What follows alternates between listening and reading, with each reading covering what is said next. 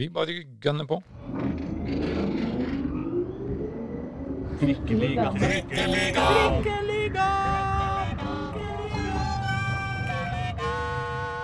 Mine damer og herrer og andre, velkommen til Trikkeligaen sesong 3, episode 2. Jeg heter Aslak Borgersrud, og med meg har jeg Reidar Solli. Eh, Jeg holdt på å si hjertelig velkommen, men det, det var det vel du som sa? Ja, på en måte, eller jeg burde i Ja. hvert fall sagt det. Du, vi skal til eh, Kringsjå i dag, vi. Vi skal til Kringsjø for å møte Lyns eh, ganske flunkende nye trener, Yes. Jan Halvor Halvorsen, som jeg da kjenner eh, Jeg skal ikke si at jeg kjenner ham godt, men jeg har jo ikke hilst på ham på de siste 25 åra.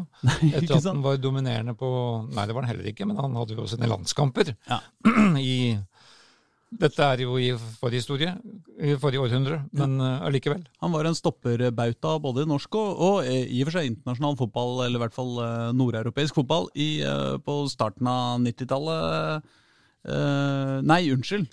På på 80-tallet.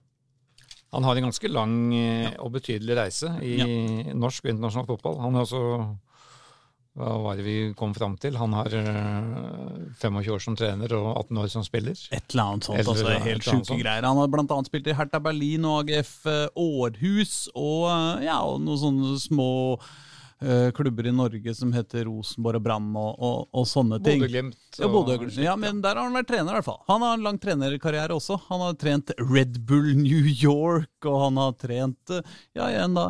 Bodø-Glimt Han har Men altså, Jan Halvor Halvorsen er en eh, gigantisk fotballspiller og en gigantisk trener, og har nå tatt over det norske fjerdedivisjonslaget, eller tredjedivisjonslaget, da. eh, Lyn. På fjerde nivå. Men debuterer da som trener i Oslo-fotballen. Ikke sant? Da er det all mulig grunn til å ha en lengre samtale med denne fyren. Og dette intervjuet burde du glede deg til. Det kommer fram ting jeg virkelig, virkelig virkelig ikke ante om Jan Halvor Halvorsen. Og, eh, så, så det blir spennende. Men først så trenger vi jo kanskje bare rase gjennom eh, de siste nyhetene i Oslo-fotballen, Reidar. Ja, vi er jo langt utenfor sesong, men det, det eneste som skjer nå, er at lagene har begynt å øve igjen. Ja. Eller Og- trene, da, som enkelte feinschmeckere sier. Ja, fotballfolket sier vel trene. Mm. Men det spørs jo litt hva de gjør fysisk. Hvis de hadde Eh, spilt blokkfløyte, så hadde det vært kalt øving. Det kan, det kan godt hende. Og jeg håper ikke de gjør det, så, men de kan jo prøve. Vålerenga har f.eks. hatt eh, sine første par treninger eh, denne uka oppe på KFUM Arena, som jo på ingen måte er en arena, men eh, i hvert fall eh, ligger oppe på Ekebergsletta. De har i hvert fall en fin øh, hjemmebane som kan brukes som treningsbane. Ja. Hvorfor de trener der ikke på Valle, det skjønner ikke jeg helt, men det er det sikkert gode forklaringer på. Det det. Men der var i hvert fall Brynjar Bjarnason og Petter Strand og Vegard Eggen Hedenstad på sine første VIF-treninger på mandag, var det vel? Sistnevnte kan vise seg å bli mye mer nødvendig enn det vi hadde spådd eh, på forhånd. Fordi eh, eh, Dag Eilev fortalte jo også til vår journalist Jørn Skjerpe at eh, Christian Borchgrevink eh, er igjen ute med en skikkelig skikkelig kneskade. Eller det er den samme skaden, da, men den er kommet tilbake for fullt. Den som holdt han ute store deler av sesongen i fjor. Ja, det sies da at han er ute i fire til seks uker, og det, det er ganske lang lenge. Selv om vi har verdens lengste oppkjøring, så er det en viktig fase foran sesongen. Dessuten så er sitatet fra Dag Eile Fagermo som følger Christian er fortsatt ute, dessverre. Den er seig. Det er den skaden han sleit med i høst. Han er nok ute ganske lenge. Hvor lenge? Det vet vi ikke, men han er i hvert fall ute i fire til seks uker nå. Den tar tid. Det høres ikke bra ut. Det høres ikke bra ut, og da tror jeg de er enda mer fornøyd med at de har Vegard Egen Hedenstad i gang. Ja, Og feltet. ingen eh, selvfølgelig så uh, glad for det som eh, unge Bjørdal, som da mest sannsynlig likevel får lov til å være indreløper, sjøl om Christian Borchgrevink er, eh, er ute og skada. Det er helt riktig. Og så har de da, i dag er det vel, mens vi sitter her, så har de vel da en ny kar fra Togo på prøvespill. Ja, en mann med det svært kompliserte navnet Emanuel Kepatai. Ja, så den uttalen overlot jeg til deg, sånn at ikke jeg får kjeft da, vi... Altså Det skrives i hvert fall K-P-A-T-A-Y, så jeg veit ikke om uh, enten, enten K-en eller P-en er stum, eller om det skal en liten vokal inni der, eller uh, Men, men her, her trenger vi eh, noen togosisk kyndige Togesisk kyndige? Noen kyndige som kan forklare oss uh, hvordan Emanuel, Emanuel Kepatai skal uttales. Så får vi se da om han eh, faktisk blir signa til klubben. Han er jo en, en, eh, en ung spiller på prøvespill, og eh, da veit man jo aldri helt hva som skjer. Nei, Det er like spennende hver gang. Blir han her i et par dager, og så forsvinner han? Eller er dette navnet Kapatai, som Mm. hele Intility står og hoier om et par måneder? Det hadde jo i hvert fall vært veldig moro, da. Ja, Og det, alt dette kan jo skje. Ja, Han er eh, født i uh, 2002, eh, så vi kan regne med at han blir 20 i løpet av eh, året, og er eh, midtbanespiller. Som de egentlig ikke har bruk for. Defensiv midtbanespiller. Ja. Men, eh, men nei, alltid spennende med, med, med nye folk, for de skal da reise snart på treningsleir i Syden. I, allerede neste uke, vel. Ja. Og da er spørsmålet om han blir med der eller ikke. Ja. Og det må de da bestemme seg for kjapt. Og om han eh, tar opp kampen mot Petter Strand uh, i å være første reserve bak, eh, bak Aldrup uh, på den ene defensive midtbaneplassen uh, som Vålerenga har i første helvern, eller om de finner på noe annet. Dette får vi kjapt svar på, for dette vil jo vi følge usedvanlig tett de neste ukene. Da kan du bare surre deg inn på dagsavisen.no, da, vet du, så får du litt oppdateringer om dette. Kanskje ekstra mye hvis du slenger på en slash sport til slutt. Sannsynligvis. Ja. Og eh, for å sveipe innom ned i ja, først Obos-liga. Mm. Der venter jo da fortsatt KFM, spent på en avklaring rundt Jesper Toje. Ja. Om han går eller ikke. Det, går, det ryktes, det ryktes, og det er møtevirksomhet. Og at han kanskje At klubben ikke er blitt enig med Tromsø, og at han kanskje er aktuell for Sandefjord. Mm. Men eh, dette finner vi ut i morgen, om han dukker opp på trening i KFM-drakt eller ikke. Ja. I morgen er det også onsdag. Men en annen eh, Oslo-spiss, Kjelsås, Jo Paintsil, Mm. han skal være i, interessant for Tromsø Ja. og på trening der. Så ting, ting skjer. Eh, ja, det var Kjelsås, ja. og så glemte jeg jo da andre, vårt andre lag i Obos. Vårt AV3-lag, Skeid. Som Ja. da, det har blitt avklaring at Abel Stensrud går til Odd. Ja. Det lå litt i kortene. Så han eh, går fra en trygg og god hverdag på Nordåsen med en flink trener, til en klubb som ikke har trener. Men det er jo, det er jo hans valg. Slik er det. Absolutt, og eh, det var hyggelig å ha deg med så lenge det varte, Abel, men nå er du ingenting for oss lenger! Mwah, usynlig! Nei da. Jo, litt. Kanskje han kommer tilbake en vakker dag. Ja, det, vi, det får vi håpe på. Er det noe mer vi trenger å feie innom da, før vi eh, setter oss i den uh, bitte lille Citroengen og putrer opp mot uh, Kringsjå? Nei, da har vi oversikt. Da har vi lest oss opp på Jan Halvor Halvorsen. 58 år, fra Porsgrunn, Skien-området. Mm, Vi tror, vi vet, han har en del å fortelle. det vet vi. Da høres vi.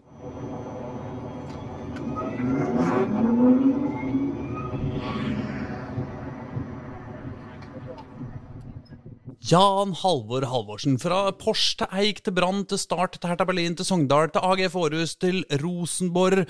Så som trener til Start Sogndal, GIF Sundsvall, Notodden, New York Red Bulls, Bodø-Glimt, Fredrikstad, Bryne og nå Lyn. Det er mye å ta tak i.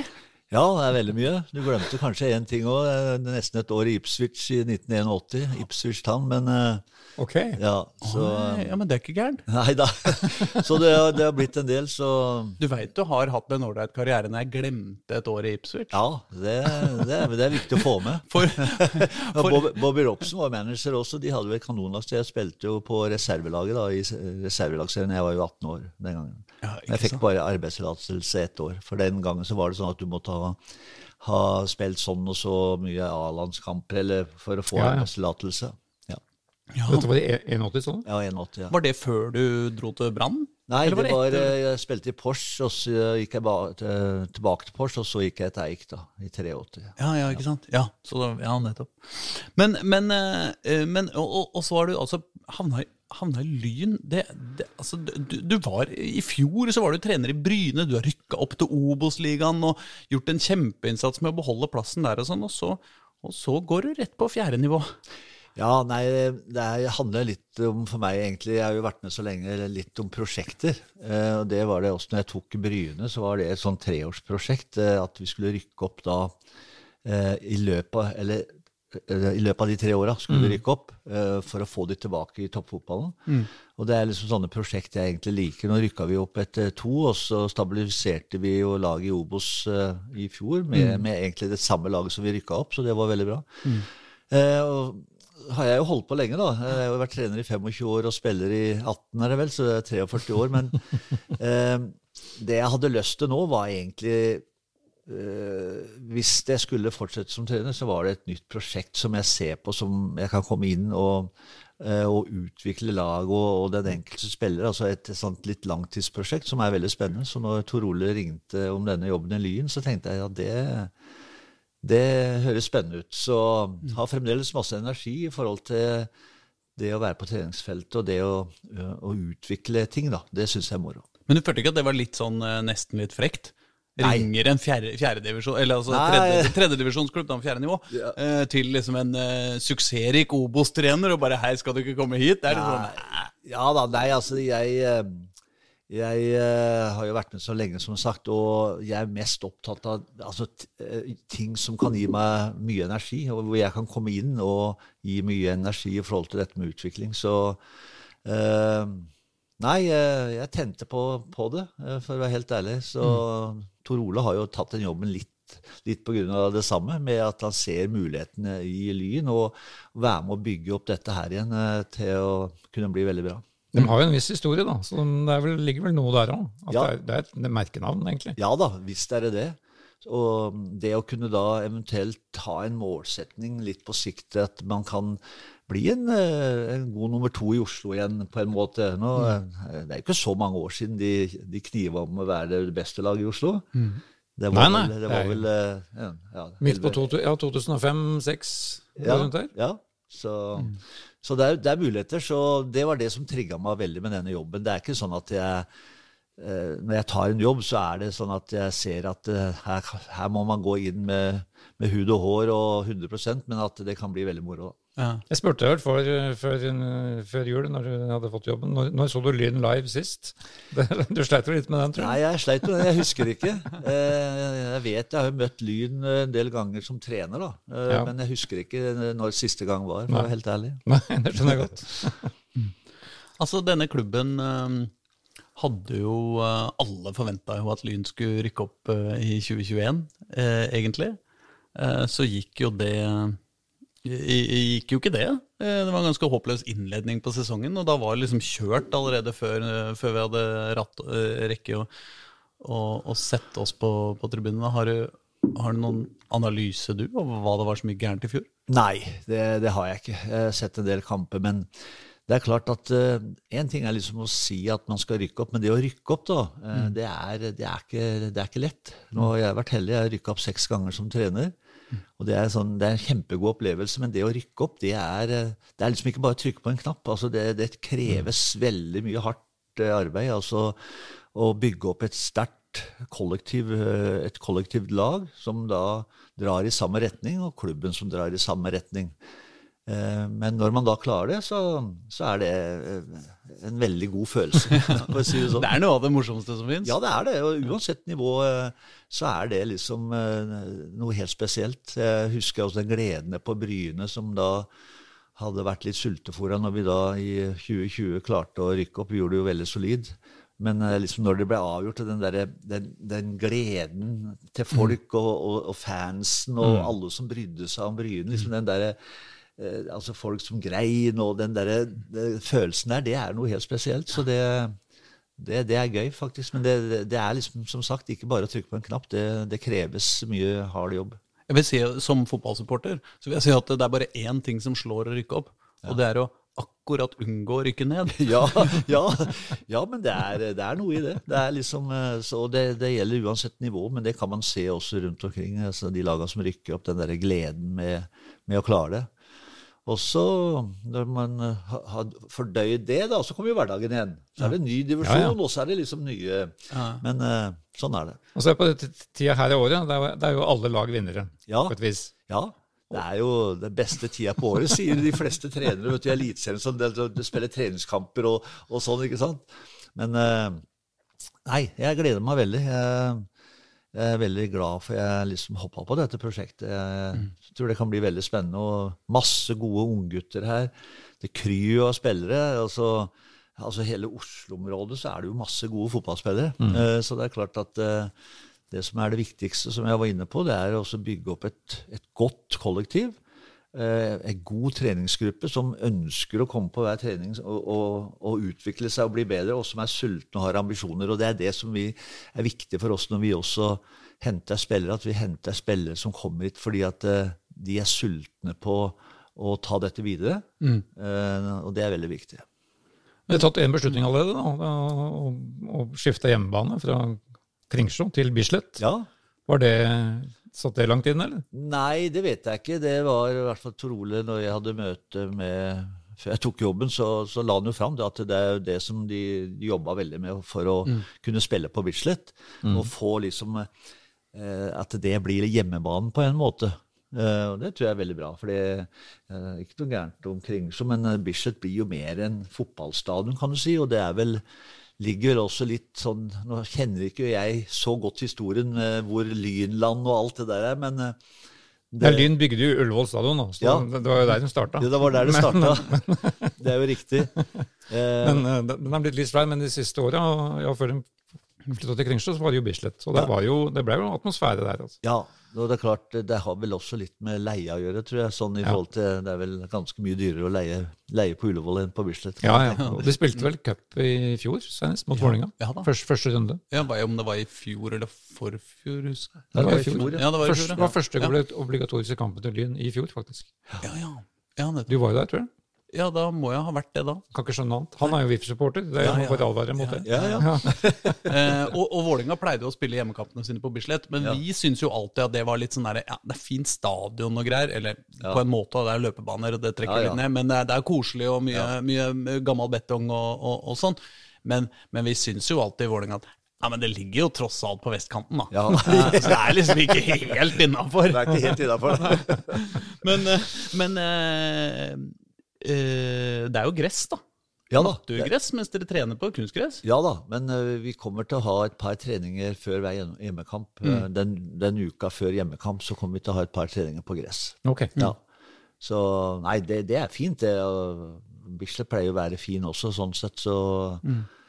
vi hadde også gress på Bryne, en veldig fin gressbane, og det er jo klart når gressbanene er kjempefine, så, så, mm. er jo det veldig bra. Er du på Ståle Solbakkens bord liksom, at det er gress som gjelder, egentlig? Ja, jeg er vel, jeg er vel ikke så bombastisk, men jeg, jeg, så lenge gressbanen er veldig fin, sånn som vi mm. hadde nede på Jæren, på Bryne, eh, så er det veldig fint å spille, spille mm. fotball på gress, selvfølgelig. Men der snør jo ikke så mye heller nedpå. Nei, det er jo aldri snø. det er litt lettere å holde det, holde det i orden. Derfor skjønte jeg på daglig leder Bjørn her, bare jeg nevnte det i gangen her, at nå, nå kan du ikke garantere Bislett avslutte til et par første hjemmekamper. For Hvis det blir vinter, så er jo selvfølgelig ikke, virker jo selvfølgelig ikke varmeanlegget der nede. Så da blir de første par kampene blir nok her oppe. Ja. ja. Mm. Den aller første blir jo borte mot Oppsal. De har jo allerede begynt å selge billetter og uh, skaper, skaper oppgjør. Det, det, blir jo moro i, eh, i denne ligaen. Ja, det er så mye Oslo-lag som, eh, som, dere skal møte. Ja, ja, det blir jo det som jeg sa i stad. Altså, det blir jo nesten for supporterne våre også. Eh, så vil det jo nesten være hjemmekamp hele tida, mm. i og med at det er i Oslo. Ja, ja. Så, så, sånn sett så er jo det midt i blinken. Det, og lokaloppgjør, og det er alltid litt ekstra. Mm. Jeg tror Bastionen vil prege alle kampene deres. Ja, det, det, det, tror jeg. Ja. Ja, det blir moro, det. Men, men bare for å ta, eh, gå litt inn i fotballen. Altså eh, etter, altså i, fjor, eh, I fjor høst så, så hadde jo Lyn en emisjon, fikk inn innmari mye penger. Eh, og la en plan om å, om å være i Obos-ligaen innen 2025. Åssen har du tenkt å få til det? Det blir jo litt sånn ditt ansvar, det da?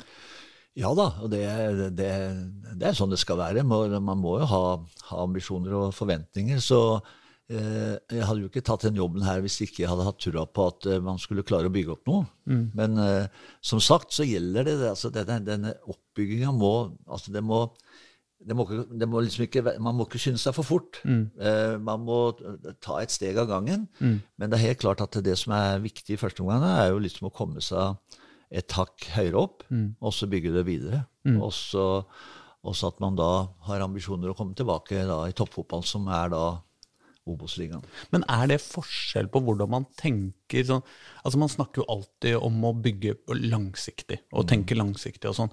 Men samtidig så skal, er det jo eh, det, det første målet er jo å komme seg opp fra tredjedivisjon til andredivisjon. Ja. Og, og, og er, det noen forskjell der på hvordan man tenker når, når på, en måte på den ene sida så har man lyst til å få sant, lokale 17-åringer til bli til å løfte laget helt opp til toppen av norsk fotball igjen. På den andre sida så så skal det jo så, så, er det noen konkrete kamper her og nå. Da, da, ja. da, er, da er, det kanskje ikke de der 17-åringene som kommer til å bli superstjerner om fire år. Nei da, men det, det er viktig å ha den miksen, at du har blanding.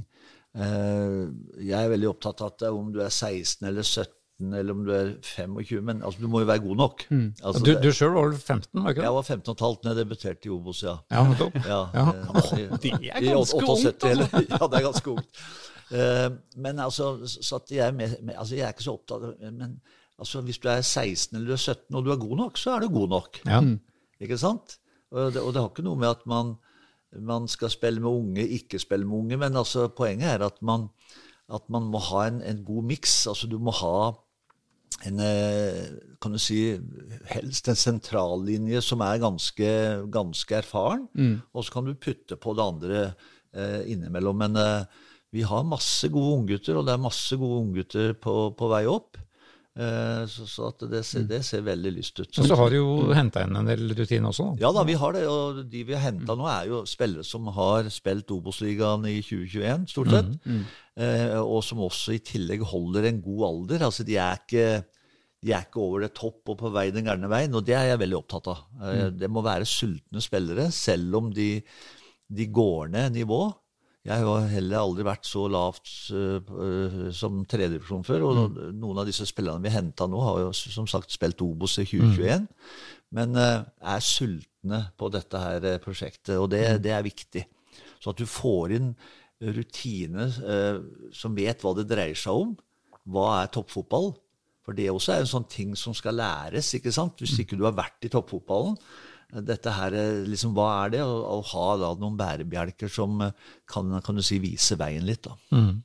Så David Tavakoli vil jo mange kanskje tro er over det hill, men han, han, er kanskje ikke det mentalt? Nei, det er han ikke. Og Nei. aldersmessig så er han jo, er han jo ikke det. Uh, og er jo en uh, kjent Oslo-spiller. Ja, ja. Uh, og er også en sånn spilletype som vi var på jakt etter i forhold til hvordan vi spiller. da, med, med skal ha en litt, litt, stor, sterk spiss som, som, er flink i oppspillsfasen, og som er farlig i boksen på, på legg. Mm. Nå var jo en av de mest markante gjestene vi hadde i Trykkeligaen i, i fjor. Så, oh, ja. Som KFM-spiller. Oh, ja, den kan du spole tilbake og høre på når du har anledning. Ja. Der var det mye moro, faktisk. Altså. ja, men, men, det er vel kanskje et uttrykk for, uh, altså nå, uh, for, for på en måte sånn Eh, det er kanskje ikke han som skal løfte dere tilbake helt tilbake i toppen, men kanskje heller være med å ta de første skritta? Ja, ja, da, nå, nå, nå, ser vi jo liksom Det som er viktig, er at vi nå ser vi liksom ett år av gangen. Ja.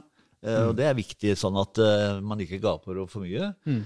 Uh, og det som er viktig nå, er at vi som sagt får bygd opp et uh, veldig sterkt kollektivlag i, i år. Som, som skal da være helt til toppen. Mm. og selvfølgelig har ambisjoner om å rykke opp. Mm. dere fikk jo inn eh, alle disse penga i fjor eh, høst. Er det også, også, har dere signert mye ikke sant? Mye Obos-spillere. Ja, Det var to fra Koffa og en fra Strømmen, i hvert fall. Ja, og så er det han Ole Breistøl som spilte i Ullensaker Kisa. Ja, ikke sant? Ja. Eh, Med fortid i Sandefjord, ja. ja. Og så har dere signa en eh, merittert uh, trener som har vært uh, både i innland og utland. Uh, Forsterka administrasjonen litt. Hvor, hvor er, det, er, det, sånn at uh, dere bruker en god chunk av de der uh, penga for for å gjøre dette første opprykket? Eh, nå har, for å si det, så jeg, jeg, jeg, er ikke inne i dette med den økonomien. Nei, det jeg skjønner jo det, altså, men likevel, det er noe du ja, som sitter her. ja, eh, Men det viser jo det at klubben eh, mener alvor da, eh, med at eh, de ønsker dette her. Eh, og det er klart at Eh, Tor Ole har kommet inn som sportssjef også, som mm. Eh, har masse erfaring. Han er jo gammel topptrener. Ja, ikke sant? Ja. Både eh, Molde og Strømsgods. og jeg, ja, Så jeg kjenner han godt fra før. Så det er klart at han også er jo veldig tent på dette prosjektet, og samme som jeg ble når jeg ble lagt fram dette her. Mm. Men det er veldig viktig at, eh, at eh, det sportslige og administrasjon går hånd i hånd. At ikke liksom den ene er langt foran den andre. Altså Noen ganger så kan man si at eh, ja, man har bygd ut administrasjon og alt, og så er de langt foran det sportslige, eller omvendt. Så det er veldig viktig at, det, at dette her går litt hånd i hånd. At eh, ok, man skal satse, man skal ha kontroll på økonomien, samtidig bygge opp et godt sportslig lag da, og et, et godt sportslig apparat. Er det mange Tilbake til, til- tilbake til stallen din, som du nå bygde opp. Altså, du har nevnt, vi har jo nevnt, alle de spillerne som har kommet inn, som da er 1, 2, 3, 4, 5, 6 vel, ganske tunge navn, som går mer eller mindre inn i elveren. Er det, er det mange som har forlatt klubben, eller? Eh, ja, noen her som var her i fjor, har, har jo forsvunnet, uten at jeg liksom har vært så mye involvert i det. Men noen ja. som var med i fjor, har jo, har jo forsvunnet ut. da. Ja. Og det er jo naturlig, sånn som det pleier å være hvert år. Jeg føler at du mangler noe i stallen? Eh, Ja da, vi, vi, vi, Dere leter litt mer? vi leter litt mer. Ok. Eh, Det som ligger litt i kortet, er at eh, vi antageligvis skal ha inn en, en keeper til. Ja. Eh, og og kanskje en midtbane slash kant. Ok. Ja.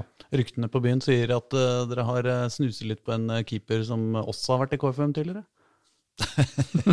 Ja, jeg kan ikke si så mye, vet du, for at, eh, eh, men det som er viktig for oss nå, det er at vi, vi, vi må sikte høyt. Altså, vi må hente spillere som er gode nok til minst ett nivå eller to nivåer høyere, for å kunne da, som kan da dra med de andre som jeg var inne på i stad. Så det er veldig viktig at vi, vi henter spillere som eh, vet hva dette dreier seg om, og som har vært på et høyere nivå og vet hva det er.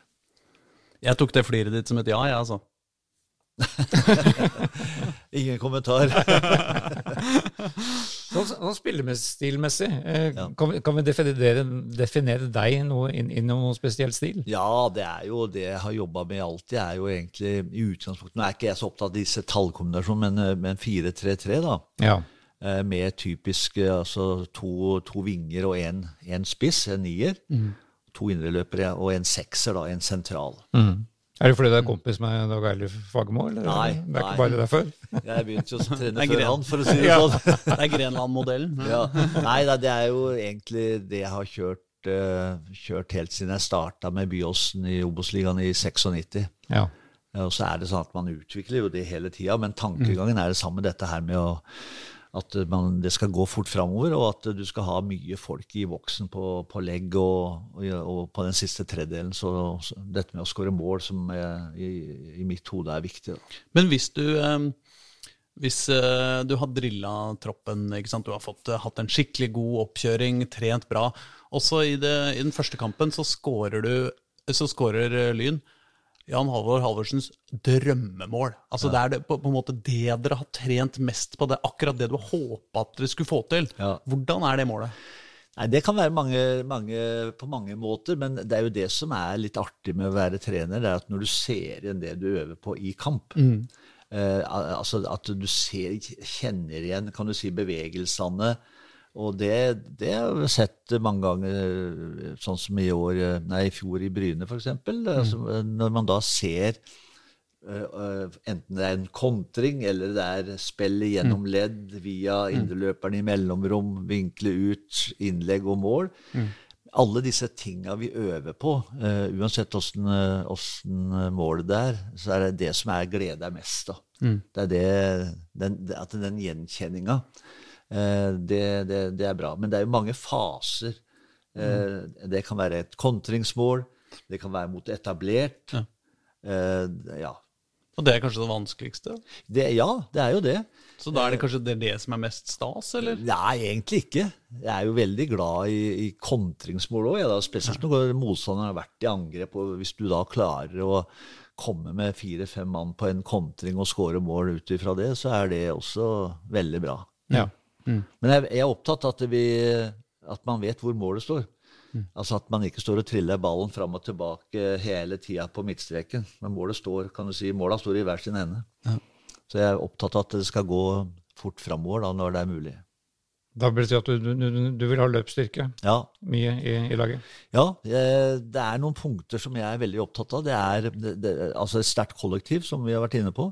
Dette er med gjenvinningsspill. Dette med når man mister ballen, dette å vinne igjen ballen hurtig, spesielt høyt i ballen, så du kan holde ballen der oppe. Og så er det løpskraft og duellkraft. Ja. De tinga der er jeg veldig opptatt av. Så ikke sånn én mot én og sånn, det er ikke så viktig for deg? Jo, jeg er selvfølgelig opptatt av det òg. Altså, På siste tredjedelen så vil jeg jo at spillerne skal gjøre egentlig hva de vil. Eh, men man har jo forskjellige spilletyper. Noen, f.eks. vinger, er veldig gjennombruddshissige og gode i bakrom. Og så har du noen, noen kantspillere som er veldig gode én mot én. Som er gode inne i boksen eh, til å utfordre. Så det er litt for, forskjellige spilletyper, da.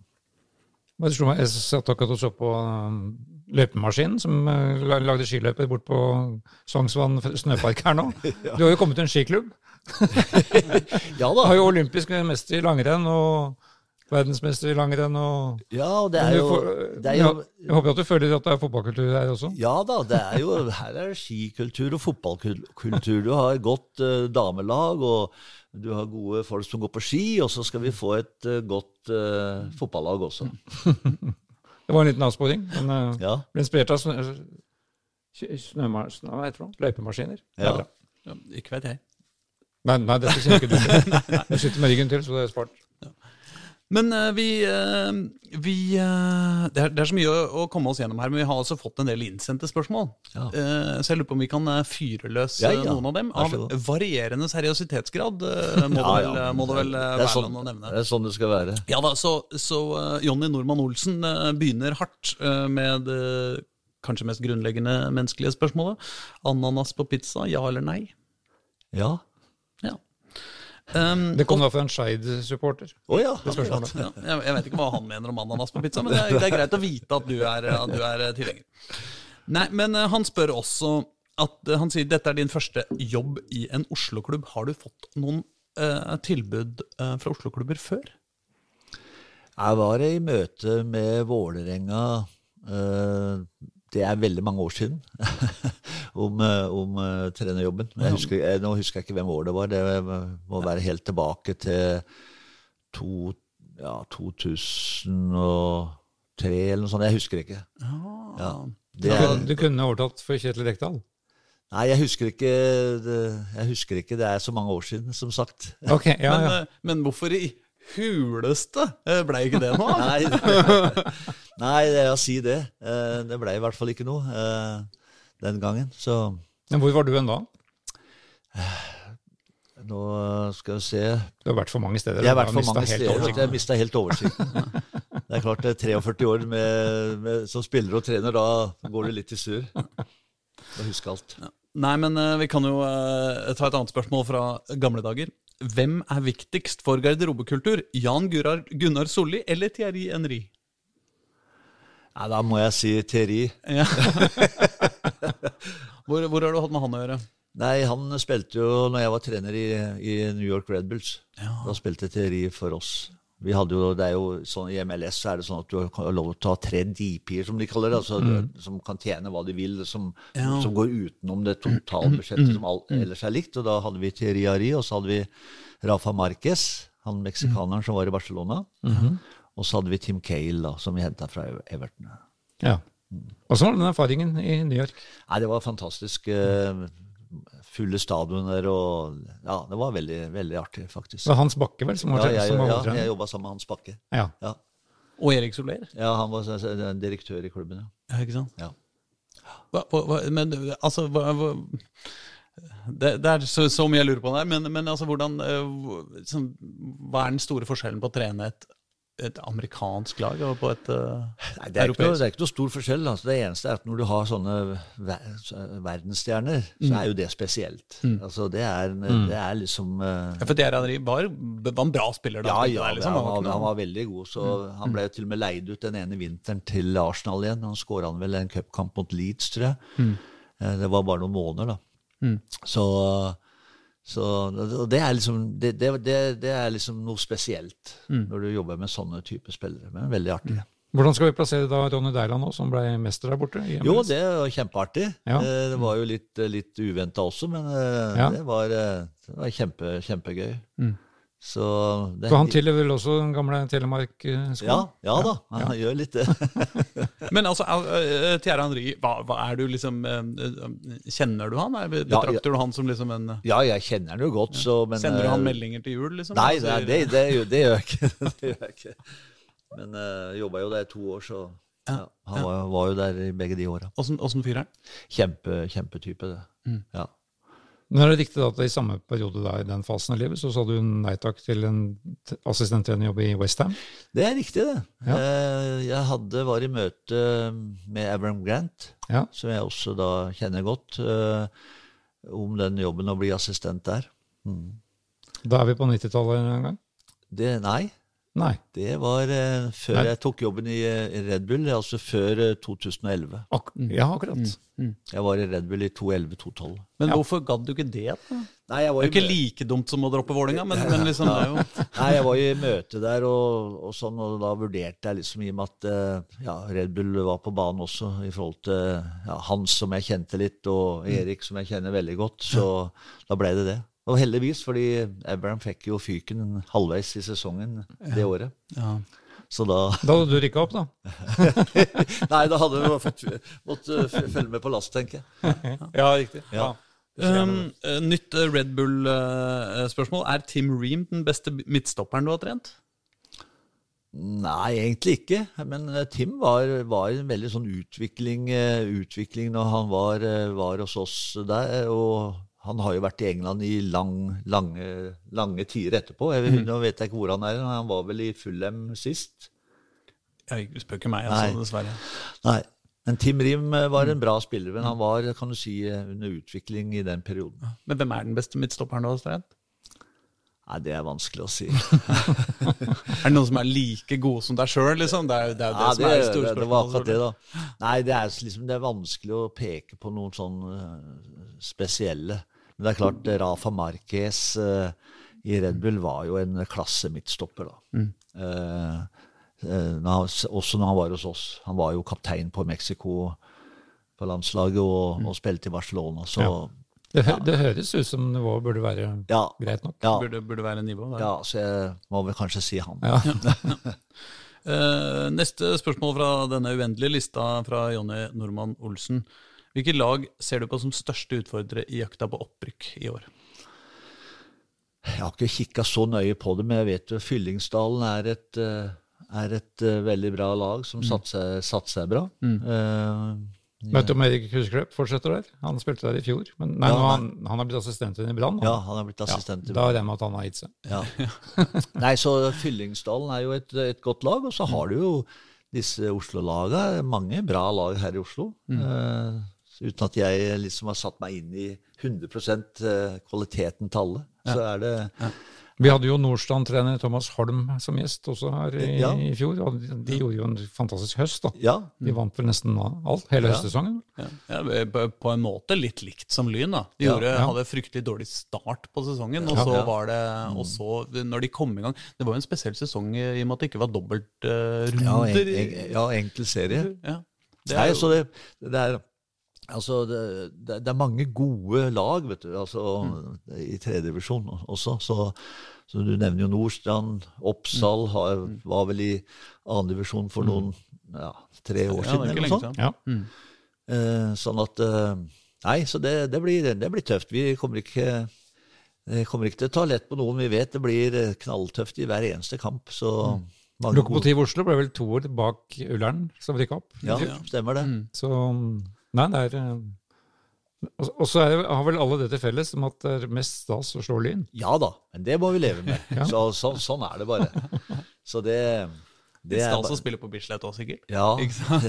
For, for, Nei da, så det, det, blir, det blir gøy. eh, siste spørsmål derfra. Hvordan skal du få det beste ut av David Tavakoli denne sesongen? Nei, det er altså han i, i, i, i toppform hele tida. Og Og nå sleit han litt med ryggen eh, i høst. Det var ikke noe alvorlig, men han fikk en kink i ryggen i høst. Så han sto over en del kamper for KFM i høst. Han kom litt inn eh, og spilte litt sånn på slutten her. Men uh, det viktigste er jo at vi får brukt styrkene hans, kan du si. Uh, det han er god på. Han er jo en, en målskårer. Mm. Og da, da, må vi ha ballen inne, inne foran mål. Mm. Sånn at uh, han er god i oppspillsfasen, og han er god på legg.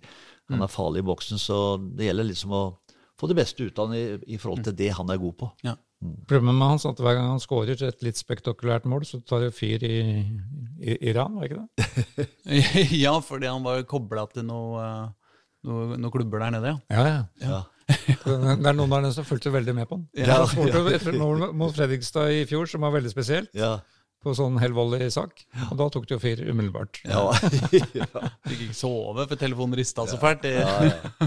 Nei da, det, David er en, en god, god, spiss, og, så det gjelder bare å få det beste ut av han og det han er god på. At han mm. kommer i de situasjonene flest mm. mulig ganger. Mm. Men tenker du han er bedre Er det noen sånn forskjell på liksom overganger eller etablert, f.eks., med han, eller er det Nei, altså, det han er god på, er jo oppspillsfasen. Han er stor og sterk, og han er god i kombinasjonsspill i forhold til med, med, som, å linke menn.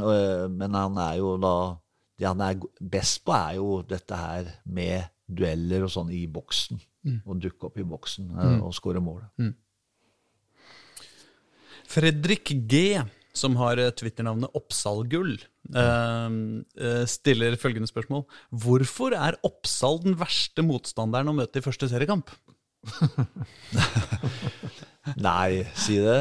Uh, Oppsal er et, et, bra lag. Vi var jo inne på det i stad. Så Eh, som sagt så, så, tar ikke vi lett på noen. Så uansett hvem vi møter, så, så, så er det bra lag. Men Eh, vi skal, vi, skal, ha mest fokus på oss sjøl. Eh, og det skal vi ha både på hjemmebane og bortebane. At vi skal spille på samme måten og ha de samme offensive eh, kan du si, tankene hele tida. Så mm. det at det blir Oppsal borte i første, det er, det er helt greit. Det er en Tøff bortekamp, selvfølgelig, men mm. ja. Gnutenflokk, hva nå det skal bety. uh, uh, har på en måte ikke egentlig et spørsmål, men han, eh, eller vedkommende skriver uh, om deg, da. En av mine første helter. Langt hår og bandasjert hode på Brann stadion. Knallhard type. ja, det var jo litt sånn den, den gangen. Brann Jeg spilte jo i Brann i to år. Mm. 87-88. Mm. Og ble jo vel kåra til årets publikumsspiller to år på rad. Det var ikke så dårlig. Og det var, det verst, i Bergen, altså. Ja, det, er, og det er, var litt på det han er inne på der, med at Ja. Uh, ja uh, Skal blø litt, liksom? Uh, jeg ga alltid 110 ja. og det er noe publikum satte pris på. Ofra meg alt, ofre alt, for å si det ja. sånn. Men er det viktig sånn overfor motstanderne også liksom uh, være han som du skal være litt redd for, han med bandasje på huet og ja. blod nedover, en ja. liten blodstripe nedover og fråde rundt kjeften? Det var jo litt den sånn den gangen at da, mm. du trengte ikke å gå ut. da, du. blødde, Om du blødde, så kunne du liksom bare ta på litt plaster og så spille videre. Men nå er det jo ja, heldigvis, da, for å si mye strengere i forhold til sånne ting.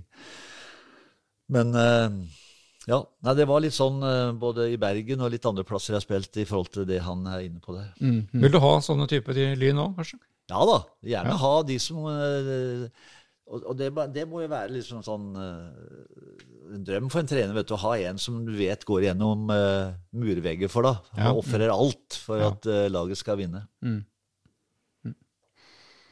Um, da er vi siste innsendte spørsmål. Vi har masse mer å snakke om, altså, men uh, likevel. Uh, Joakim eh, Andersen sier uh, kommenterer overgangen din med å si 'herlig', men spør, spør hva er det med dette prosjektet som appellerte? Er det noe annet enn Skulleruds overtalelsesevner?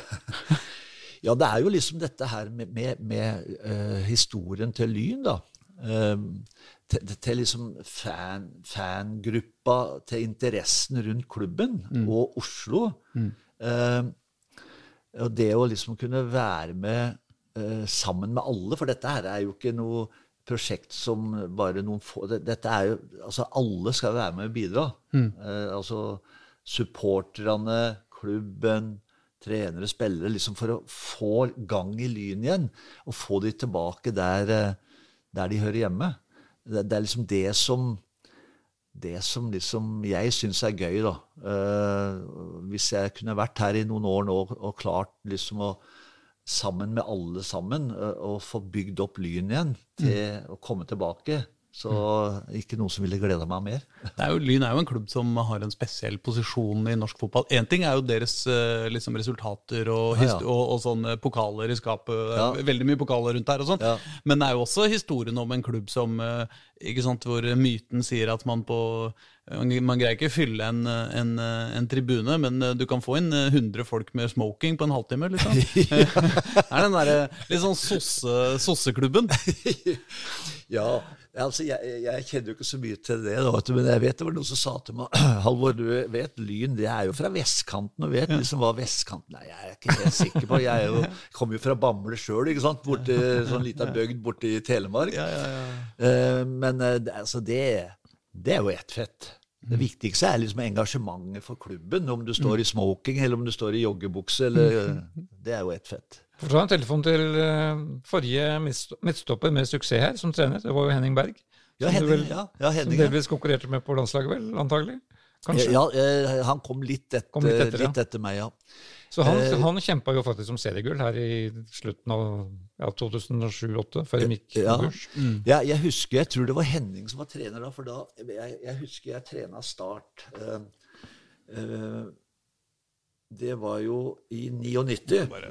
I 99. Ja. Jeg tok over Start etter, altså etter 98-sesongen. Mm. Ja. For da trena jeg Byåsen i 98. Da holdt vi på å rykke opp i, i Eliteserien, og Start holdt på å rykke ned i annen mm. i 98. Ja. Eh, så i siste seriekamp så møtte vi Start borte. Og Hvis vi vant, så hadde vi mulighet til å rykke rett opp til Eliteserien, og Start ville rykke ned. Ok, ja. Og da tapte vi 2-1, så Start berga plassen akkurat da i åttende. Så da tok jeg over Start i 99.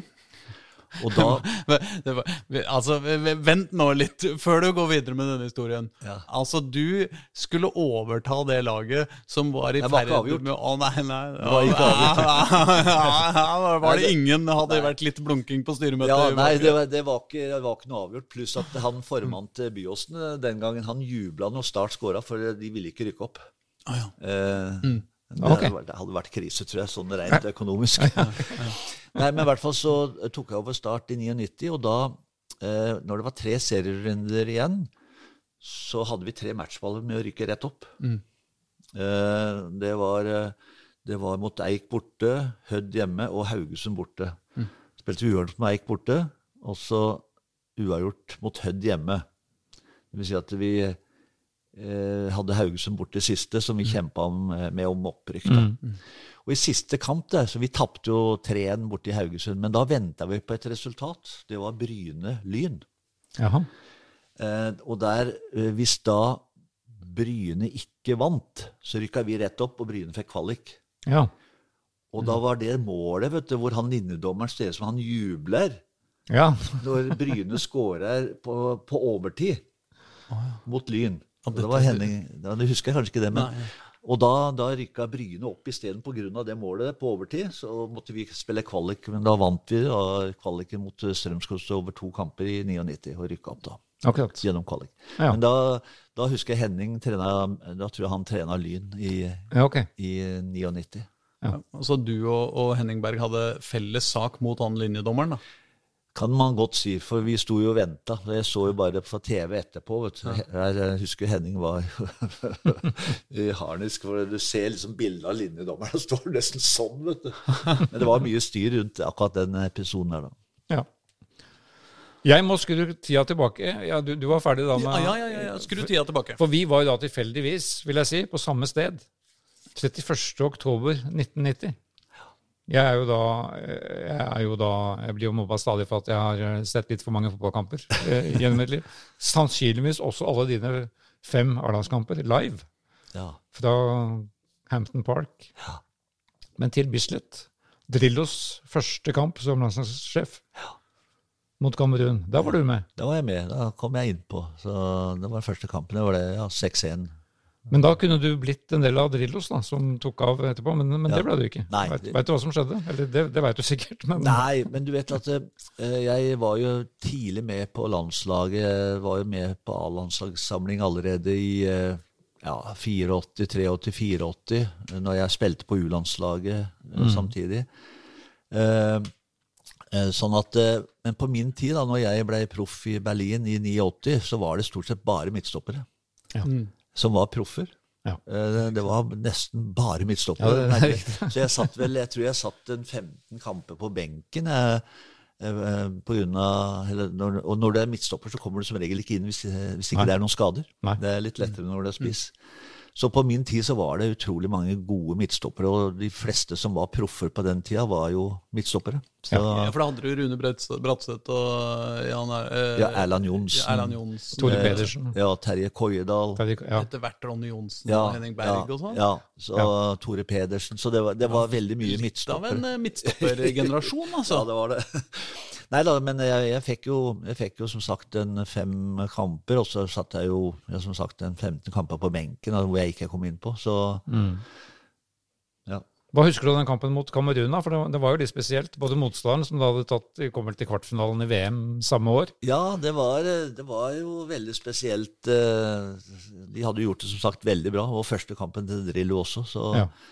så det, var, det var litt spesielt. Din siste kamp på da Bislett, som blir det nye hjemmebane i år. Litt morsomt poeng, da. Ja. Ja, det er sånn tilbake 30, par og 30 år etter. Endelig tilbake. Må invitere Olsen, da. Han bor jo 200 meter nede i gata her. Ja, jeg så- vet, jeg vet Egil bor i nærheten her, så ja da. Kan jo få han til å la han sitte litt på benken òg. Nei, men, men eh, Ja, for du, du nevnte det så vidt. Altså, du har, du har, du har spilt fotball i Hertha Berlin. Ja. Det, du dro rett dit fra Ja, det var etter start. eh, Etter Ja, altså, jeg, var, jeg var i Brann i 87-88, og så skrev jeg da eh, proffkontrakt på bursdagen min 8. mars. Eh, Fin dag å ha bursdag, gitt. ja, kvinnedagen. Eh, eh, og da skulle jeg da bare spille en plass i to-tre måneder for å holde meg i form fram til jeg flytta til Berlin på sommeren. Og da spilte jeg to-tre måneder i start eh, eh, for å bare ja, holde meg i gang fram Så det var fra Brann du ble solgt til Hertha Berlin? Ja, liksom? jeg ble ikke solgt, Eller men jeg gikk, da. gikk, ja. ja. Ja. Så jeg fikk jo oppleve murens fall da, også i 89. Ja, ja, ja. I Berlin, ja. Ja da, så, så jeg flytta dit, så var jo muren. Og så ble jo den rivd eh, Det var i november, vel. Var du der? Eh, Ja, ja jeg bodde der. da. Ja, men jeg mener sånn konkret. når, Ja, ja, når disse Husker, når husker, husker du kvelden, liksom? Ja, ja jeg husker, jeg husker litt kvelden. Vi hadde bortekamp, tror jeg, så at jeg fikk ikke med meg alt. Men eh, jeg husker det. Jeg, traf... hadde bortekamp den, den kvelden? ja, jeg, jeg, jeg, jeg minst det. Hva er det da? 9. november eller noe Ja, sånt? det Ja. 1991? Nei, eh, og, ja. Det er 89. Nei, 89, unnskyld. Ja, ja. Så bortekampen som eh, Ja, men Hvor- eh, det var veldig spesielt. liksom den der, For jeg husker vi pleide å eh, En gjeng fra laget vi pleide å dra over veksel, Du veksla jo på svartebørsen, og vet du, så dro du over til Øst-Berlin. Mm. Og da veksla du, det var jo én til ti, så, så hadde vi noen, en skikkelig god treretters middag. og sånn, Men så måtte du være tilbake før klokka tolv gjennom Checkpoint Charlie. da. Ja. Hvis ikke så måtte du, kom du ikke inn før dagen etter. Og da husker jeg det var en sånn taxisjåfør som kjørte oss til Checkpoint Charlie, Charlie da, den, den, eh, en av de siste kveldene før murens fall. Og da sa han eh, nei, Han hadde ett stort ønske her i livet. Det var at han en gang i framtida kunne ta den taxien og så bare kjøre over på den andre sida. For det var jo snakk om liksom På den ene sida så var det eh, lys og eh, liv og sånn, og på den andre sida mørkt og trist. Og det var snakk om kanskje 50 meter, da. ja Altså. Ja. altså den, var den muren som skilte det. Ja. Så det største ønsket hans var liksom å kunne ta og det. Det har jeg tenkt på, det tenkte jeg på etterpå, da, for da gikk det vel bare ei uke, og så, så, så gikk jo muren. Så jeg tenkte på han taxisjåføren, at eh, nå kan han faktisk eh, kjøre gjennom. ja. Men gjorde det noe med, med eh, posisjonen deres, eller liksom med, med dagliglivet i, i, i Berlin der? Ja, altså sånn, sånn rent fotballmessig, første kampen vi hadde etter murens fall, så, kom, så ga jo klubben gratisbilletter, tror jeg, til alle de Hertha-fansa som var blitt igjen på den andre sida. Som Ja. endelig kunne se kamp igjen. Og da husker jeg det, Vi hadde spillemøte, og da husker jeg de der trabantene, de bilene kom kjørende, for da skulle vi Ja, ja. på kamp. Så da hadde vi vel 65 000, tror jeg, på den eh, 65 000-70 000 på den kampen etter murens fall. Så Det var litt sånn spesielt at de endelig kunne gå på kamp igjen. ja, for det var ganske mange supportere som bodde på Ja. Som, kom, som havna på den sida, ja. Ja. Ja. for den, Den, den sto jo der en stund, denne muren. da, så De Ja. er veldig standhaftige, de folka. Ja, som- det var jo det, det- som er også det, hvis du, man, jeg vet ikke, Dere har sikkert ikke vært på Checkpoint på museet og sett, men alle disse her eh, fluktplanene, eller hvordan, hvordan de prøvde å flykte da, fra øst. altså Det var en luftballong, det var med sånn, laga et spesielt rom i en bil. Mm. Noen ble jo skutt, mm. Ja, ja. prøvde å ta seg over. Så det er ganske så det var en veldig sånn eh, opplevelse å være med på den murens fall. Så traff jeg kona mi i Berlin også, da, så i eh, 89-90. Hun studerte fysioterapi. Det var mange norske studenter der nede. Ja. Så Nei, jeg husker min naive første naive møte med Berlin. Jeg skulle til Berlin på VM på skøyter, eh, som da var i Vest-Berlin. ja. Men så landa vi i Øst-Berlin uten at jeg hadde fått beskjed om at vi landa i Øst-Berlin. Oh, ja, Så, akkurat. så vi ble litt overraska over eh, bemanningen på den flyplassen. For Ja. alle, var jo, alle gikk med maskinge- maskingevær. Ja, ja. Og da var det gjennom Checkpoint trial for Ja. å komme, komme seg over. Ja, stemmer. Nei, men da har de opplevd eh, rett og slett eh, stort politisk, Ja, historisk moment. Da. Ja da, har det. Så det har til og med hogg til og med noen biter av muren som var Ja. tagga, så de har jeg, har jeg hjemme. Det er litt du har artig. det, ja. ja da, Ja, det er måtte det. Men hvordan var dette?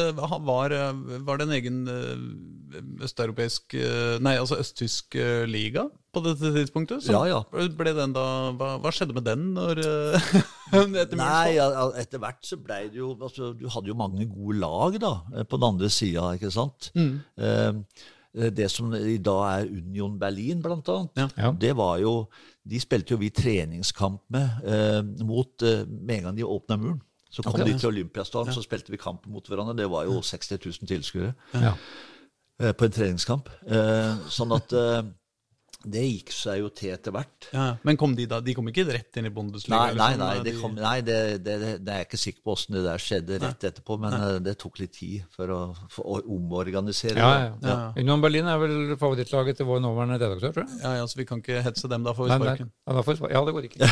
Men eh, var det sånn, kom det plutselig mye spillere, mye nye spillere og sånn? da? Så plutselig var muren eh, revet, så var det veldig mye øst? Ja, det var det. Og det, det var jo en som hoppa òg, som kom til oss, en god spiller. Mm. Eh, som, eh, det var jo en del sånne ting. Det var Ja. ikke bare innen fotball, men det var jo også mm. Det kunne være ja, jeg vet ikke, turn eller andre ting også. Så at, at noen hoppa av, kan du si.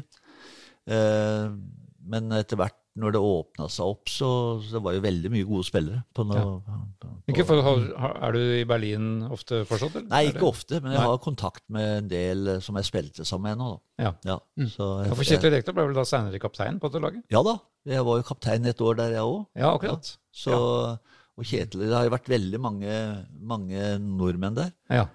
Så, så Jarstein har vært der i mange år, og Ja, ja. Skjelbred. Og Ja. nå gikk jo sønnen til Åsmund Bjørkan gikk jo til Hertha Berlin nå. Riktig. ja. Fredrik André fra Bodø-Glimt. Ja. Du følger litt med, du er litt fan, liksom? Ja da, jeg følger med. Det er rart med det. De klubbene man har vært i, så følger man litt med. Ja. Ja. Men hvordan, eh, hvordan endte karrieren din i Berlin? Jo, det, det var bra, det. Eh, veldig gode år, helt til jeg Kan du si Når kona mi blei eh, eh, Vi hadde lyst til å flytte til Skandinavia. Eh, og da dukka AGF Åres opp. Eh, og da følte jeg det var riktig at, å, å dra, når jeg gjorde det. Så det. Det var på et rett tidspunkt, så veldig gode år i AGF Århus også. Ja, ja, ikke sant? Der, ble du, der ryktes det at du ble en slags klubblegende der også? Ja da, gjorde, gjorde det. Eh, Så eh, jeg så jeg var plukka ut til å være på tidenes lag i AGF gjennom tidene, så det er jo hyggelig. Ja. Så, men det går også litt, litt på det så, eh, i forhold til spillestilen min. Det var liksom Ja. Ja, for det, ja, samme, litt effekt, samme effekt som i Brann, egentlig. Ja. At, du, Ja. At du gir alt, og Ja. bør det for drakta, bokstavelig talt. ja. Så de to eldste sønnene våre er født i Århus, da. Ok. Ja. Ja. Burde du ikke heller ha spilt i et eller annet uh, eller mer sydlig land, hvor spillerne er enda litt mindre, og på en måte den der, den, den der, den der litt sånn kraftige måten å spille fotball på kunne gjort enda større utslag? liksom? Ja, det, altså jeg hadde alltid sånn veldig sånn eh, ønske og, og håp om å spille i England. For det liksom, jeg følte jeg hadde passa meg veldig bra, da. Ja. Eh, Så når jeg var i Ipswich i 81 og måtte reise hjemme, så husker jeg det var utrolig tungt. Og så fikk jeg en ny mulighet eh, mens jeg var i AGF Århus. i Portsmouth. Jim Smith var manager. Og skulle egentlig signe en kontrakt der. Men så ble EØS-avtalen utsatt. Ja, ja. Den ble utsatt et år. Ja. Eh, og, og dermed så fikk jeg ikke arbeidstillatelse. Så de søkte om arbeidstillatelse, og så fikk jeg det ikke. Så gikk det i vasken igjen. eh, så det, det, det, det ergrer jeg meg litt. Selv om jeg liksom, Tyskland passa meg også veldig bra, for der spilte vi sånn markeringssystem. altså manndekker, som man eh, kaller det. Så det passa meg også veldig bra. Men eh, eh, ja, jeg hadde alltid egentlig ønske om å spille i England, egentlig. Men, Jeg skjønner det. altså Spillestilen din Ja. hadde jo gått litt rett inn der. Ja da. Og det som var litt artig, når jeg var i Ipswich, eh, så hadde jo de et kjempegodt lag. De vant jo Europacupen og alt. Når jeg spilte på reservelaget, så spilte jo ja, Terry Butcher spilte jo midtstopper, og eh, Paul Mariner spilte jo Ja. spiss, og det, de hadde jo et veldig godt lag. Så. Men eh, det var ti-elleve måneder jeg fikk der. Det var, det var en fin opplevelse. Ja, det så fikk du få erfaringen. ja. Hvem, eh, hvem er den, eh, den beste spilleren du har spilt sammen med, egentlig, i disse, alle disse åra? Ja. Er også litt, eh, litt uh, vanskelig å si. Uh, Men du, du kan bare være ærlig, de hører sikkert ikke på Nei, nei, nei, denne nei. likevel. 18 år som spiller, da. Det er litt å velge i, da. Ja, det, det er det. Ja, det, ja, det er det, vet du. Både innland og utland. Så det er, det er, er hvem, har liksom imponert deg mest på trening, da? Som, som, som du har blitt litt forbløffa av, liksom? Eller, hvis det er noen i det hele tatt? Ja, det er Ja. Nei, jeg, jeg spilte jo sammen med en som heter Stig Tøfting i Danmark. Ja. Spilte på landslag og i Hammer. Han var en veldig god spiller. ja. En sånn liten kraftplubb, men samtidig liksom en, en, en god fotballspiller, da. Mm. Så Ja, var plugg. ja, han er skikkelig plugg. kraftig plugg. Ja. Ja. Så ellers er det litt vanskelig. Det er såpass mange. Ja. Men hva syns du liksom det er mest moro å spille med? Er det liksom eh, veldig sånne de tekniske driblefanter, eller er det liksom de trygge, eller er det Ja, de det er- raske, eller Nei, det er litt vanskelig å si, fordi det er jo et sånn sammensatt, en sammensatt ting, dette her da, med et lag. ikke sant? Noen, er, noen har sånne styrker, andre har sånne styrker. Så spilte jo sammen med Kent Nilsen også. Han, han, eh, spilte, han kom jo fra Aston Villa til AGF, og jeg kom jo fra Hertha Berlin. Han spilte jo på EM-laget til, eh, til Danmark, som ble europamestere. Det må ha vært litt av et lag, dette AGF, på den tida der? Ja da, eh, vi kom jo ganske langt i Europacupen. Vi vant jo cupfinalen i Danmark. Og så, så vi kom, var vel til kvartfinalen i cupvinnercupen det året. Er det den beste pokalen du har? Ja, det, den henger høyt, fordi jeg har jo to tapte finaler i, i Norge. Tapte jo cupfinalen i 87 mot Bryne etter ekstraomganger. Og så kom vi til cupfinalen i 88 òg med Brann.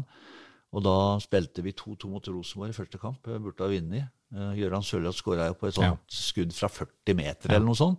Og så ble det omkamp, for da var det omkamp Ja, uka etter. Så det var egentlig to cupfinaler. ja, ja. Sånn er selvfølgelig det? Det må jo være utrolig irriterende. Ja, bare, okay, var... Nå skal vi spille den kampen her en gang til? Ja, en gang til. vet du. Også det verste i 88, så ble vi han Treneren det var jo Teitur Torjasson. Eh, vi ble enige om at Som også har vært her, forresten. Hæ? Han har også vært her, Ja, i Lyn. ja, Ja. stemmer det. Eh, så da ble vi enige om at ingen skulle barbere seg før vi røyk ut av cupen. Og så kom vi jo til finalen. og jeg spilte jo midtstopper sammen med jeg spilte sammen med Per Egil Ahlsen og en som heter Redouan Drisi eh, fra Algerie. Og jeg har jo ganske bra skjeggvekst, da, så jeg måtte jo klippe det vet du, nesten en halv meter før, første, før- den første cupfinalen. Så, så jo ikke ut. Og så ble det omkamp, og så vente liksom enda en uke. Nei, det Nei, så da, da tapte vi omkampen. Så da brakk jeg tå, lille tåa i, i første gang, så jeg gikk ut i pause. Men mm. Det var Da- derfor. Nei, det var det ikke. Men, eh, men eh, da, da, så da henger den seieren med, med cupfinalen i Danmark veldig høyt. Ja, det er klart det. Ja. Det skjønner jeg.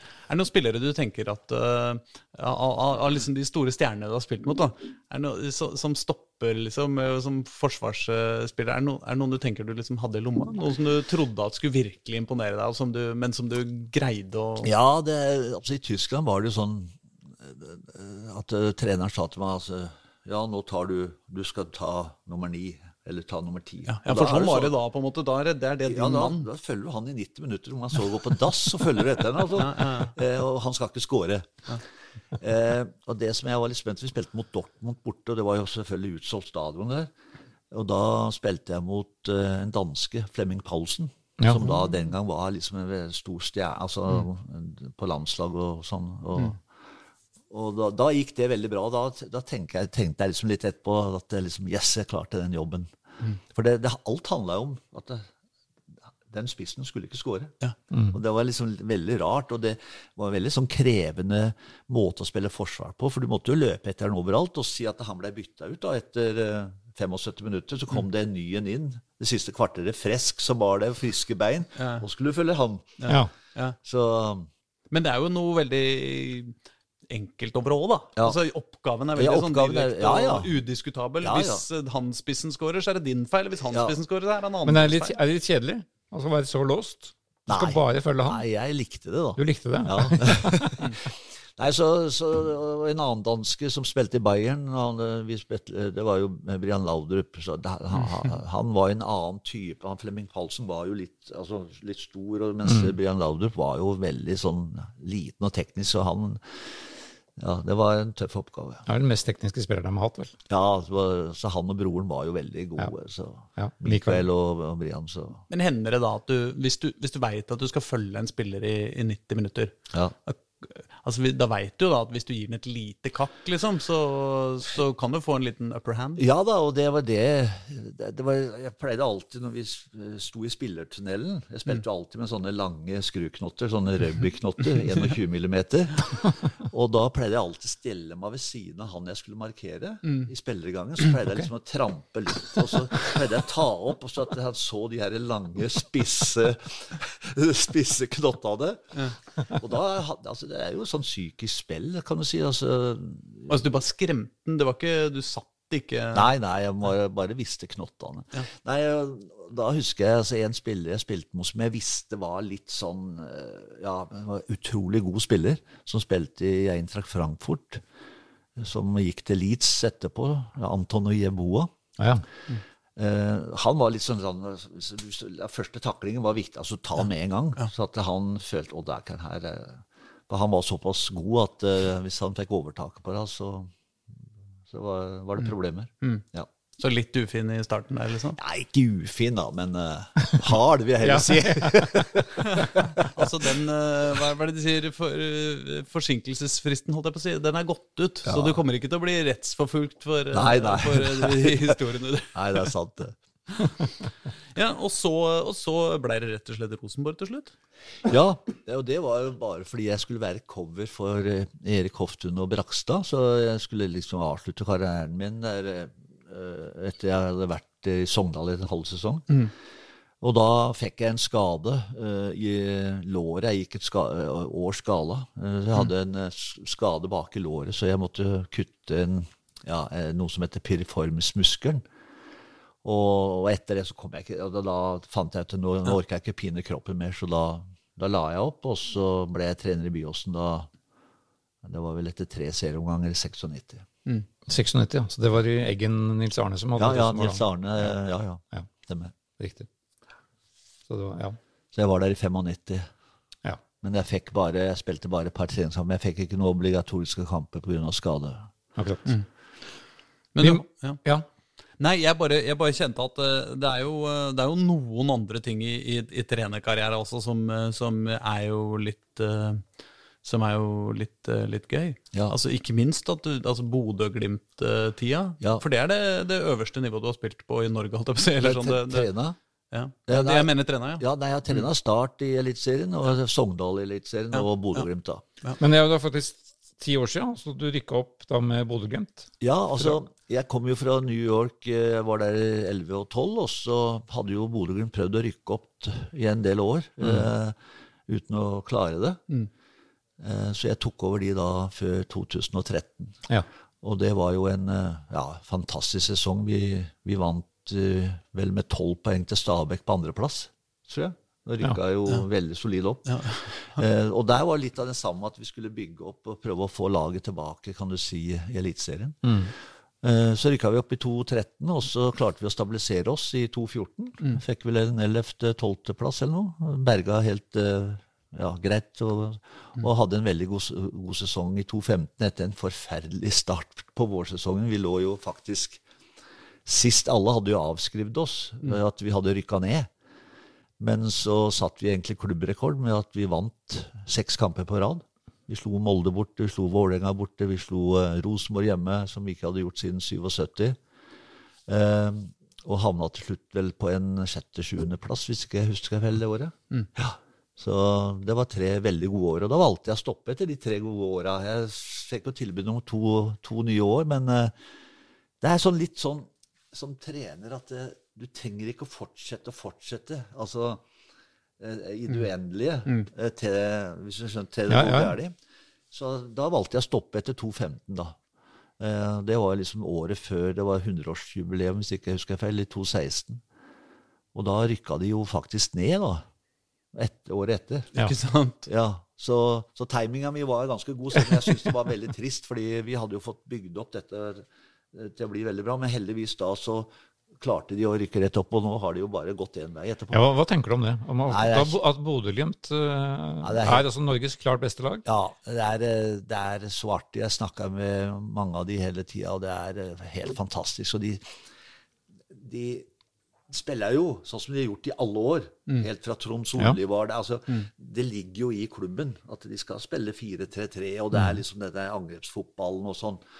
Og nå har de liksom fått utvikla det liksom til at de, de klarer å dominere kampene totalt også. De har jo vært utrolig gode. Ja. Men noe, noe av konseptet er ganske likt i forhold til at de er veldig flinke i Bodø, har vært i alle år, til å hente rollespillere Ja. som passer inn i måten de skal spille på.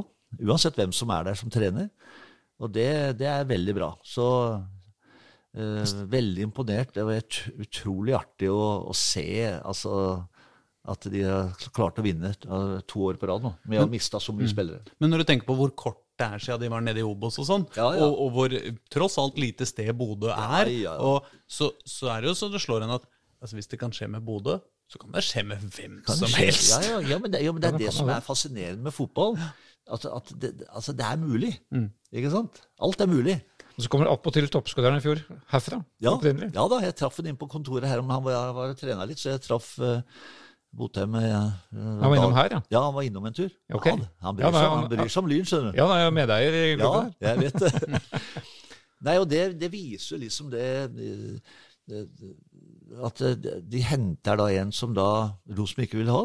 Det gjorde jo jeg også. Jeg, først hentet jeg jo han Ibalayab, som ingen ville ha, eh, opp til Bodø. Han skåra jo ja, 17 mål når vi rykka opp, og 15 mål i i Eliteserien. Så ble han jo solgt.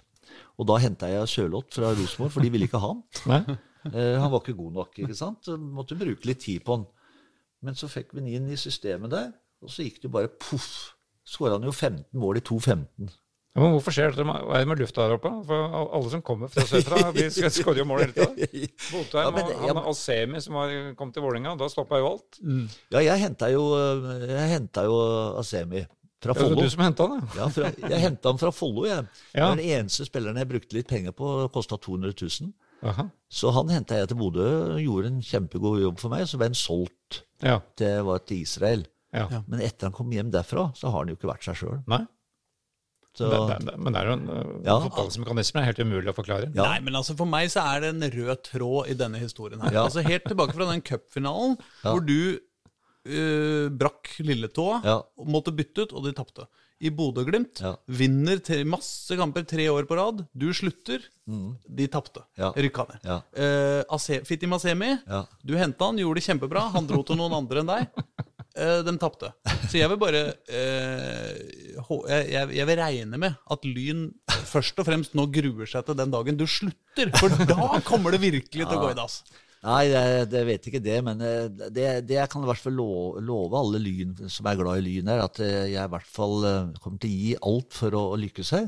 Det er det jeg gjør overalt. Og jeg gjør så godt jeg kan, og jeg tror vi skal få bygd opp noe som blir blir veldig sterkt og bra, og som, som alle kan være stolt over. Så, jeg vil at det liksom, spillerne, når de har drakta på seg, at det, er- altså, det, altså, da, da kreves det noe. Eh, når de tar på seg lyndrakta, så kreves det noe, og da kreves det at de skal gjøre alt det de kan hele tida for å vinne fotballkamper. Det er viktig. Men de måtte da også kommer fra samme, samme distrikt og kjenner Dag Eilif Fagermo Ja. godt, Ja, så må du ha to ord om Vålerenga og hva du tror de kan prestere. ja jeg kjenner jo Dag Eilif veldig. Han var veldig glad for at jeg skulle eh, ta den jobben her, da, og flytte til Oslo. Så har han en kompis her. Ved trenger den! Nei da, så Nei, altså, jeg tror jo eh, Vålerenga eh, Nå hadde de jo kanskje en sesong som var litt under forventningene nå, men de har jo hatt litt trekk, trekk av spillere som har forsvunnet og har blitt solgt og sånn, så jeg tror det at eh, hvis han får, får litt tid og får bygd opp dette her, at det kommer til å bli veldig bra. Det tror jeg. Det, det låter jo skremmende når, når, når Lyn-treneren og Vålerenga-treneren er venner. Ja, dette er nesten unikt. Ja. Sånn skal vi jo ikke ha det, egentlig. Nei, nei da, men eh, sånn, sånn er det. Eh, Så vi Får håpe at dere møtes i cupen. da. Det kan jo, kan jo møtes i ja da, det, får- det får vi håpe. Ja. Da er vi ikke venner. Nei, nemlig. Nei, men det er godt, det, da. Ja, det, Ja, men Da tror jeg vi, eh, vi, vi lander der, jeg. Det var sånn et poetisk sted å, å avslutte på. Vi det gleder oss til å følge Lyn. Ja, nei, det er veldig hyggelig, og jeg håper liksom nå at, eh, at vi, som sagt, som jeg har vært sagt hele tida nå siden vi starta intervjuet, dette her med at vi får bygd opp en god treningskultur, et godt kollektivlag. Det har blitt gjort en bra jobb, jobb her tidligere, tidligere de siste åra også. Mm. Det har blitt jobba godt. Så gjelder det bare å, for meg å prøve å trykke på de rette knappene for å, å klare å ta det siste steget. Ja. 9. april, Oppsal, Lyn. Det blir moro. Det blir gøy. Ha det. Ha det.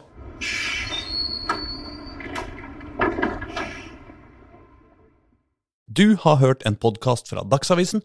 Ansvarlig redaktør heter Andreas Heen Haaland Karlsen.